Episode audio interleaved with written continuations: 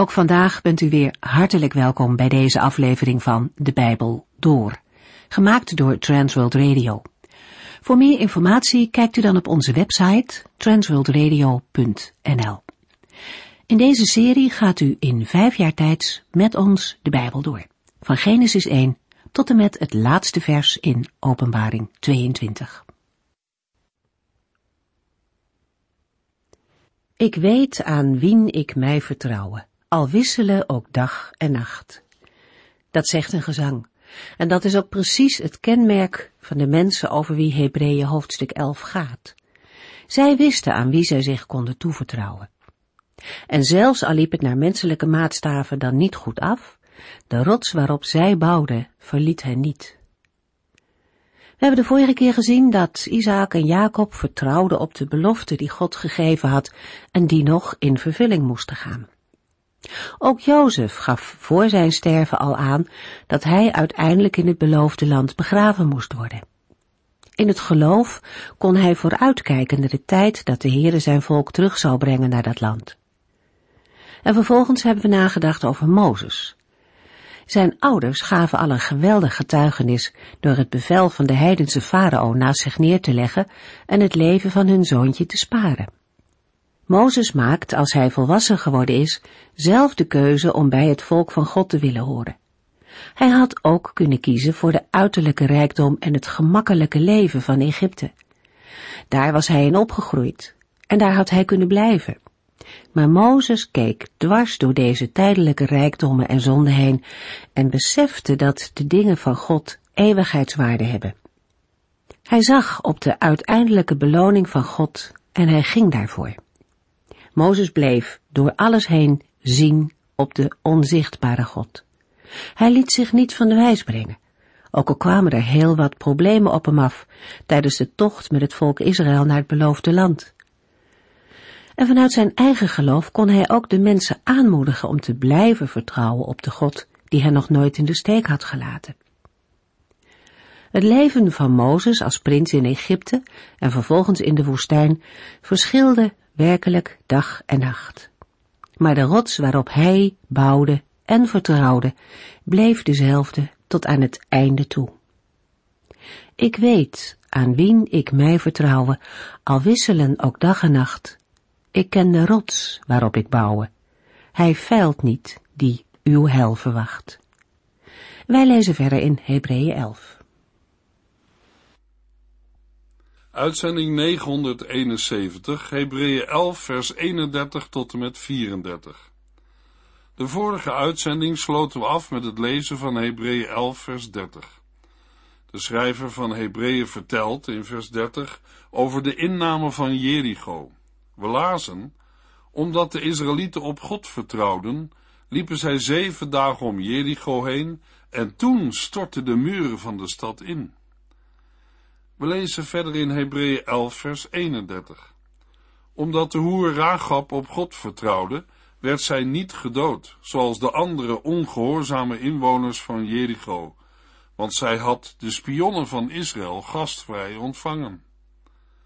Als een afsluiting en tegelijkertijd een hoogtepunt in de rij van geloofsgetuigen noemt de schrijver het geloof van Ragab de hoer. Ragab was onder de indruk gekomen van de wonderen van de Heere God. We lezen in Jozua 2 vers 8 tot en met 11. Ragab ging intussen naar het dak om te praten met de mannen, voordat zij gingen slapen. Zij zei, ik weet heel goed dat uw God mijn land aan u gaat geven. Wij leven in grote angst voor u. Alle inwoners van dit land zijn verlamd door angst en radeloos. We hebben namelijk gehoord hoe de Heere voor u een pad door de Rietzee maakte na uw vertrek uit Egypte. En wij weten ook wat u deed met Sigon en Och, de twee Amoritische koningen ten oosten van de Jordaan, hoe u hun land onder de voet liep en hun hele volk uitroeide. Geen wonder dat wij bang zijn. Niemand heeft nog de moed te vechten, als hij dat allemaal heeft gehoord want uw God regeert als God boven in de hemelen en beneden op de aarde. Met de woorden uit Jozua 2 vers 11 beleed Ragab de almacht van God tegenover de onmacht van de afgoden. Vanuit dat geloof besloot zij zich dienstbaar te maken aan Gods plan door de spionnen van Israël gastvrij te ontvangen en hen te beschermen tegen vijandige bedoelingen van de koning van Jericho. In ruil daarvoor werden zij en haar verwanten bij de inname van de stad Jericho gespaard. We lezen het in Jozua 6 vers 17, waar Jozua voor de inname van Jericho tegen de Israëlieten had gezegd, de stad en alles wat daarin is, moet voor de Heere worden vernietigd, maar alleen de prostituee Ragab en allen die in haar huis zijn, mogen in leven blijven, omdat zij de spionnen heeft beschermd. Later zegt Jozua tegen de twee spionnen, in Jozua 6 vers 22 en 23, Kom uw belofte na, zorg dat de prostituee en haar familieleden in veiligheid worden gebracht. De jonge mannen gingen naar het huis en brachten Ragab, haar ouders, broers en andere familieleden in veiligheid. Er werd een regeling voor hen getroffen dat zij buiten het kamp van de Israëlieten mochten verblijven. Later werden zij zelfs in het volk Israël opgenomen. Dat lezen we onder andere in Jozua 6 vers 25. Zo vinden we Raagap ook terug in het Nieuwe Testament, in de stamboom van de Heer Jezus Christus. In Matthäus 1 vers 5 lezen we dat Raagap de man was van Salmon en de moeder van Boas. Door het geloof werd zij gered, ondanks haar Canaanitische afkomst en haar vroegere levenswijze. Het rode of scharlaken koord, dat Ragab als teken uit haar raam moest hangen, is altijd een geliefd thema geweest in de christelijke prediking, als een verwijzing naar het bloed van Christus. Omdat Ragab God vertrouwde, werd zij gered, maar de anderen niet. Al hadden deze anderen, de ongelovige bewoners van Jericho, net als Ragab wel gehoord van de wonderen van de Here, maar het had hen niet tot vertrouwen in God gebracht. We zien in Ragab het wonder van Gods genade. Zij is niet met het geloof in de God van Israël opgevoed of heeft het van thuis meegekregen, maar zij heeft wel van de grote daden van de Heere gehoord en dat heeft haar tot ontzag en vertrouwen in de God van Israël gebracht. Daarin zien we ook dat de Heere al vanaf het begin van de mensheid de redding van mensen op het oog heeft. In een wereld verloren in schuld is God nog steeds op zoek naar het verlorene, om alle te redden die hun vertrouwen hebben gesteld in Jezus Christus, de redder van de wereld. Hebreeën 11 vers 32 moet ik hiermee doorgaan? Ik zou tijd tekort komen als ik de ervaringen van Gideon, Barak, Simson, Jefta, David, Samuel en de profeten moest vertellen.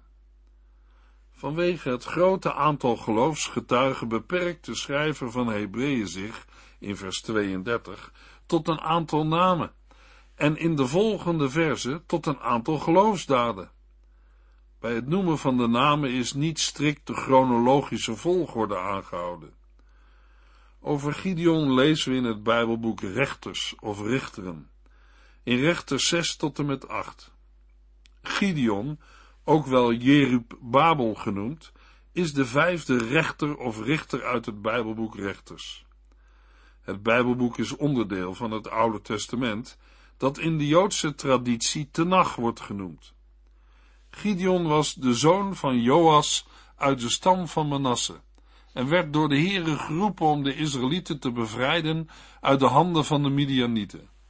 Eerst haalde hij op bevel van God het gezinsaltaar van Baal omver en hakte de gewijde paal om die ernaast stond.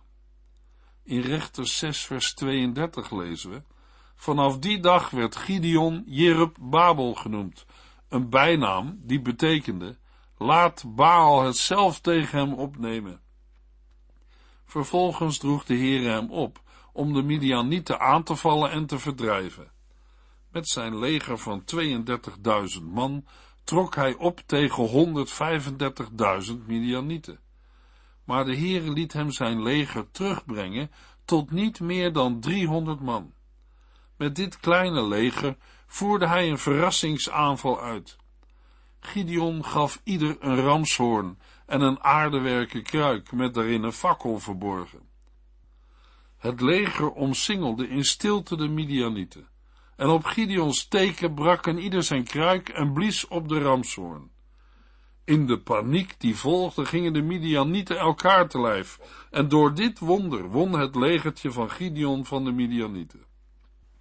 Na de klinkende overwinning wilden de Israëlieten Gideon tot hun koning kronen. Rechters 8 vers 22 en 23.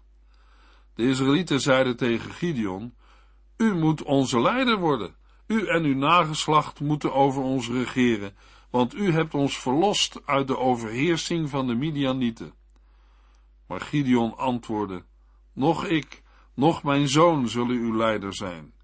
De Heer is uw leidsman. Gedurende het leven van Gideon was er veertig jaar vrede in het land Israël. De tweede geloofsgetuige, die in Hebreeën 11 vers 32 wordt genoemd, is Barak. De geschiedenis van Barak is nauw verbonden met Deborah. In Rechters 4 vers 4a lezen we, in die tijd was Deborah richter over Israël. Ze was een profetes en was getrouwd met Lapidot. We lezen verder in vers 5 tot en met 9. De Israëlieten kwamen bij haar met hun geschillen. Op een dag liet zij Barak, de zoon van Abinoam, uit de stad Kedes, in het stamgebied van Naphtali, bij zich komen, en zei tegen hem, de Heere, de God van Israël, geeft u bevel een leger van tienduizend man uit de stammen Naphtali en Zebulon op de been te brengen. Trek daarmee naar de berg Tabor, om te vechten tegen de troepen van koning Jabin van Canaan. Generaal Sisera is degene die het bevel voert over dat leger en zijn strijdwagens. De Heere zegt, ik zal hen naar de beek Kizon lokken, en u zult hen daar verslaan. Barak antwoordde haar echter, ik ga alleen als u ook meegaat en anders niet. Goed, antwoordde Deborah, ik zal meegaan, maar ik waarschuw u van tevoren, dat dan de eer van het verslaan van Sisera niet u, maar een vrouw te beurt zal vallen. Zo ging zij, Deborah, met hem mee naar Kedes. Rechters 4 begint met de mededeling dat na de dood van Ehud de Israëlieten de heren opnieuw ongehoorzaam waren. Daardoor worden zij overgeleverd in de handen van de Canaanieten, die hen vreselijk onderdrukken. De opperbevelhebber van het leger van koning Jabin heette Sisera. Hij beschikte over 900 ijzeren strijdwagens en maakte de Israëlieten twintig jaar lang het leven ondraaglijk. Als Sisera hoort dat Barak eraan komt met een leger van 10.000 man, maakt hij zich klaar voor de strijd. In eerste instantie lijkt het erop dat de Canaanieten de strijd gaan winnen. Maar plotseling brengt God het leger van Sisera in verwarring. Al zijn soldaten vluchten en Sisera verstopt zich in de tent van Jaël, de vrouw van de Keniet Geber, een nakomeling van Jethro, de schoonvader van Mozes. Geber heeft een verdrag met koning Jabin van Hazor, en Sisera denkt een veilige schouwplaats te hebben gevonden bij Jaël, maar Jaël doodt hem. In Rechters 4 vers 22 tot en met 24 lezen we, Toen zag Jaël Barak langskomen, op zoek naar Sisera. Ze ging naar buiten hem tegemoet en zei, Kom binnen, dan zal ik u de man laten zien die u zoekt. Hij volgde haar de tent in, en daar lag Sisera dood op de grond, met de tentharing door zijn slapen. Zo gebruikte God die dag de Israëlieten om koning Jabin van Canaan te onderwerpen. Vanaf die tijd kregen de Israëlieten koning Jabin steeds meer in hun macht, tot hij en zijn volk waren vernietigd. Rechters 5 eindigt met de mededeling, daarna heersten er veertig jaar rust en vrede in het land. We lezen verder in Hebreeën 11 vers 32 en komen dan bij Simson. Ook Simson is een rechter of richter van Israël. Over hem wordt verteld in Rechters 13 tot en met 16. Hij behoorde tot de stam van Dan. Zijn vader heette Manoach. In tegenstelling tot de andere rechters gaf Simson niet zozeer leiding aan het volk Israël, maar voerde hij wel met de hulp van God strijd tegen de Filistijnen. Hij was vanaf zijn geboorte Nazireër en mocht zijn hoofdhaar niet afscheren. Aan zijn Nazireërschap ontleende hij enorme fysieke kracht. Bekend zijn de geschiedenissen over Simson en het raadsel op zijn bruiloft. Voedsel kwam uit de eter en zoetigheid uit de sterke. De gevechten van Simson met verschillende groepen Filistijnen en de korenvelden die hij in brand stak met driehonderd vossen. Daarop vielen de Filistijnen Israël aan en eisten de uitlevering van Simson. De Israëlieten leverden Simson uit, maar Simson rukte zich los en sloeg duizend Filistijnen dood met de kaak van een ezel. Ook de gebeurtenissen in de Filistijnse stad Gaza en de geschiedenis van Simson en Delila zijn bekende bijbelse verhalen uit het Oude Testament. Delila vroeg Simson waarin zijn geweldige kracht schuilde en hoe hij overmeesterd kon worden. Uiteindelijk vertelde Simson haar dat hij zijn kracht zou verliezen als zijn haar zou worden afgeschoren. Simson wordt door de Filistijnen overmeesterd. Als er ter ere van de vangst van Simson een offerfeest in de tempel van Dagon wordt gegeven, wordt Simson gehaald om de massa te vermaken. Meer dan 3000 mannen hadden zich inmiddels op het dak verzameld om het spektakel bij te wonen. Eenmaal in de tempel zegt Simson tegen de jongen die hem begeleiden: Laat mij maar los. Ik wil graag even leunen tegen de zuilen. Simson bidt tot de Heere en vraagt of hij nog één keer zijn kracht mag terugkrijgen. In Rechters 16 vers 29 lezen we, Daarop greep hij de twee middelste zuilen waarop de tempel rustte, en de tempel stortte in, bovenop de koningen en alle andere mensen. Zo doodde Simson in zijn eigen dood meer mensen dan tijdens zijn hele leven. Ook Jefta was een van de rechters van Israël. Zijn geschiedenis wordt beschreven in Rechters 11 en 12. Jefta werd door zijn broers en de andere bewoners van zijn geboortestad Gilead verstoten, omdat hij een buitenechtelijk kind was. Maar toen Gilead door de Ammonieten, een volk ten oosten van de Jordaan, werd aangevallen, zagen de bewoners van Gilead in dat Jefta de juiste man was om in deze strijd de leiding te nemen. Jefta probeerde eerst het conflict met Ammon op diplomatieke wijze op te lossen. We lezen in Rechters 11, vers 23 en 24. De Heere, de God van Israël, was het die de Ammonieten hun land heeft afgenomen en het aan Israël heeft gegeven. Waarom zouden wij het dan aan u teruggeven? Zoals u houdt wat uw God Kemels u gegeven heeft, zo houden wij wat de Heere onze God ons geeft. Jefta wijst in zijn onderhandelingen op het feit dat Israël het land van de Heer had gekregen en dat de Ammonieten door de Heer onteigend zijn en geen rechten meer kunnen laten gelden. Het gevolg was dat de onderhandelingen met de Ammonieten worden afgebroken en er een oorlog uitbreekt. Jefta bidt tot de Heere om hem de overwinning te geven. Jefta beloofde dat hij het eerste dat hem uit zijn huis tegemoet komt, aan de Heere zou offeren. Daarbij dacht hij waarschijnlijk aan een geit of een rund. Onder leiding van Jefta wonnen de Israëlieten de strijd tegen Ammon. Toen Jefta daarna thuis kwam in Mispa, komt hij, tot zijn schrik, als eerste zijn dochter tegen, die hem dansen tegemoet kwam. Toen zij hoorde van de gelofte van haar vader, stemde zij ermee in en vroeg ze twee maanden uitstel. Ten slotte lezen we in Rechters 11 vers 39.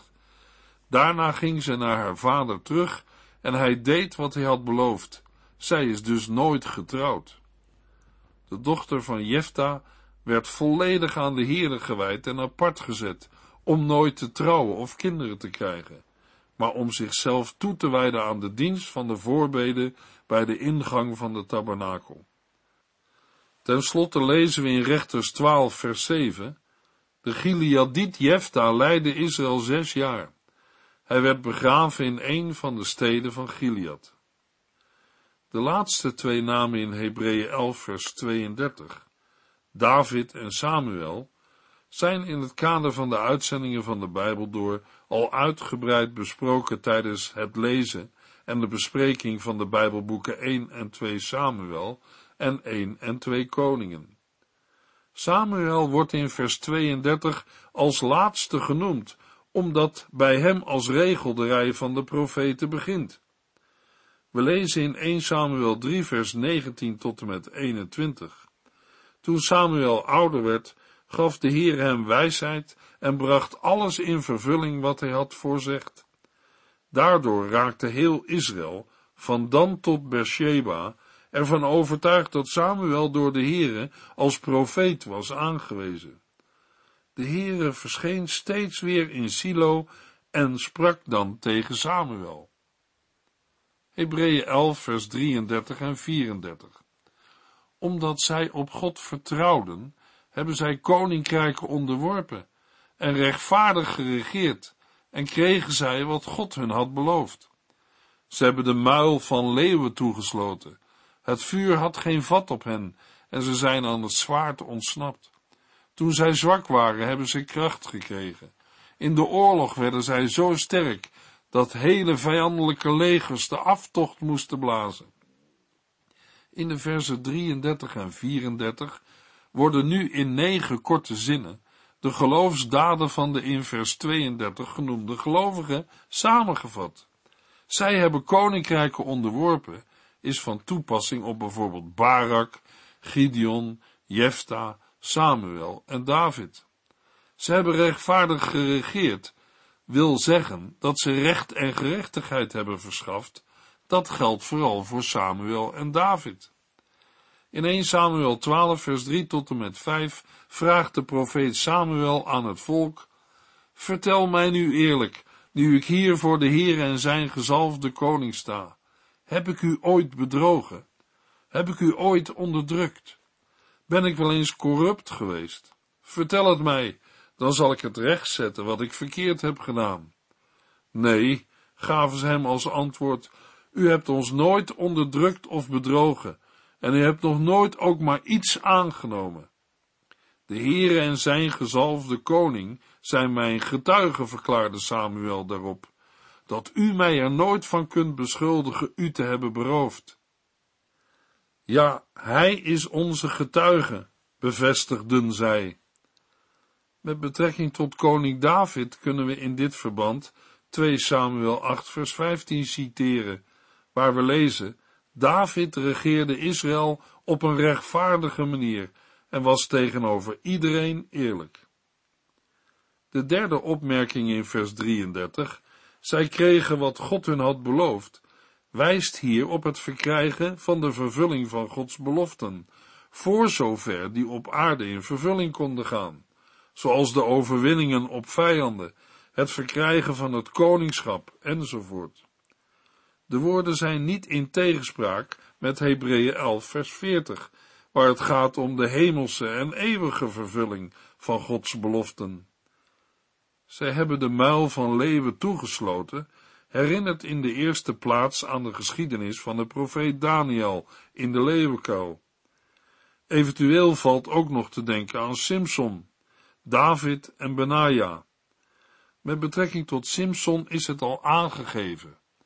Met betrekking op David lezen we in 1 Samuel 17, vers 34 tot en met 36. Maar David hield voet bij stuk. Hij zei, ik heb wel meegemaakt, toen ik de schapen van mijn vader hoede, dat een leeuw of een beer opdook, die een lam greep. Ik ging hem achterna met een stok, om het lam te bevrijden. Toen hij mij aanviel, greep ik hem bij zijn kaak en sloeg hem dood. Ik heb dat gedaan met leeuwen en beren, en ik zal het ook met deze heidense Filistijn doen, omdat hij de legers van de levende God heeft uitgedaagd. En wat betreft Benaja, een van de helden van David, lezen we in 2 Samuel 23 vers 20. Verder was er dan nog Benaja, de zoon van Jojada, een moedige soldaat uit Kapseel. Benaja doodde twee helden, zonen van Ariel, uit het leger van Moab. Een andere keer liet hij zich in een kuil zakken, waarin een leeuw terecht was gekomen. Hoewel er sneeuw lag en alles glad was, doodde hij de leeuw. Het vuur had geen vat op hen, is een duidelijke verwijzing naar Daniel 3 vers 17, de redding van Daniels vrienden uit de vurige oven. Zij zijn aan het zwaard ontsnapt, is op meerdere profeten, bijvoorbeeld Elia en Elisa, en op David van toepassing. Bij de volgende woorden, toen zij zwak waren, hebben zij kracht gekregen, is beslist aan Simson gedacht. In rechter 16 vers 28 lezen we, toen bad Simson tot de Heere, Almachtige Heere, denk aan mij, geef mij nog eenmaal kracht, o God, zodat ik wraak kan nemen op de Filistijnen voor het uitsteken van mijn ogen. De Heere verhoorde zijn gebed. We lezen in rechter 16 vers 30b, zo doodde hij in zijn eigen dood meer mensen dan tijdens zijn hele leven. Rechter 16 sluit af met de mededeling, Simson had Israël twintig jaar geleid. De laatste opmerkingen in vers 34, in de oorlog werden zij sterk en hele vijandelijke legers moesten de aftocht blazen, zijn erg algemeen en weinig specifiek. Daarom zijn de woorden op vele situaties van toepassing. Een aantal Bijbeluitleggers denken aan de tijd van de Maccabeeën, waarin de wetsgetrouwe Joden het voortdurend tegen vreemde mogendheden moesten opnemen. In de volgende uitzending lezen we het slot van Hebreeën 11. U heeft geluisterd naar De Bijbel Door, in het Nederlands vertaald en bewerkt door Transworld Radio. Een programma waarin we in vijf jaar tijd de hele Bijbel doorgaan. Als u wilt reageren op deze uitzending of u heeft vragen, dan kunt u contact met ons opnemen. Tijdens kantooruren kunt u bellen op 0342 478432 0342 478432. Ook kunt u een e-mail sturen naar de Bijbel door at transworldradio.nl en natuurlijk kunt u ook via de post ons bereiken.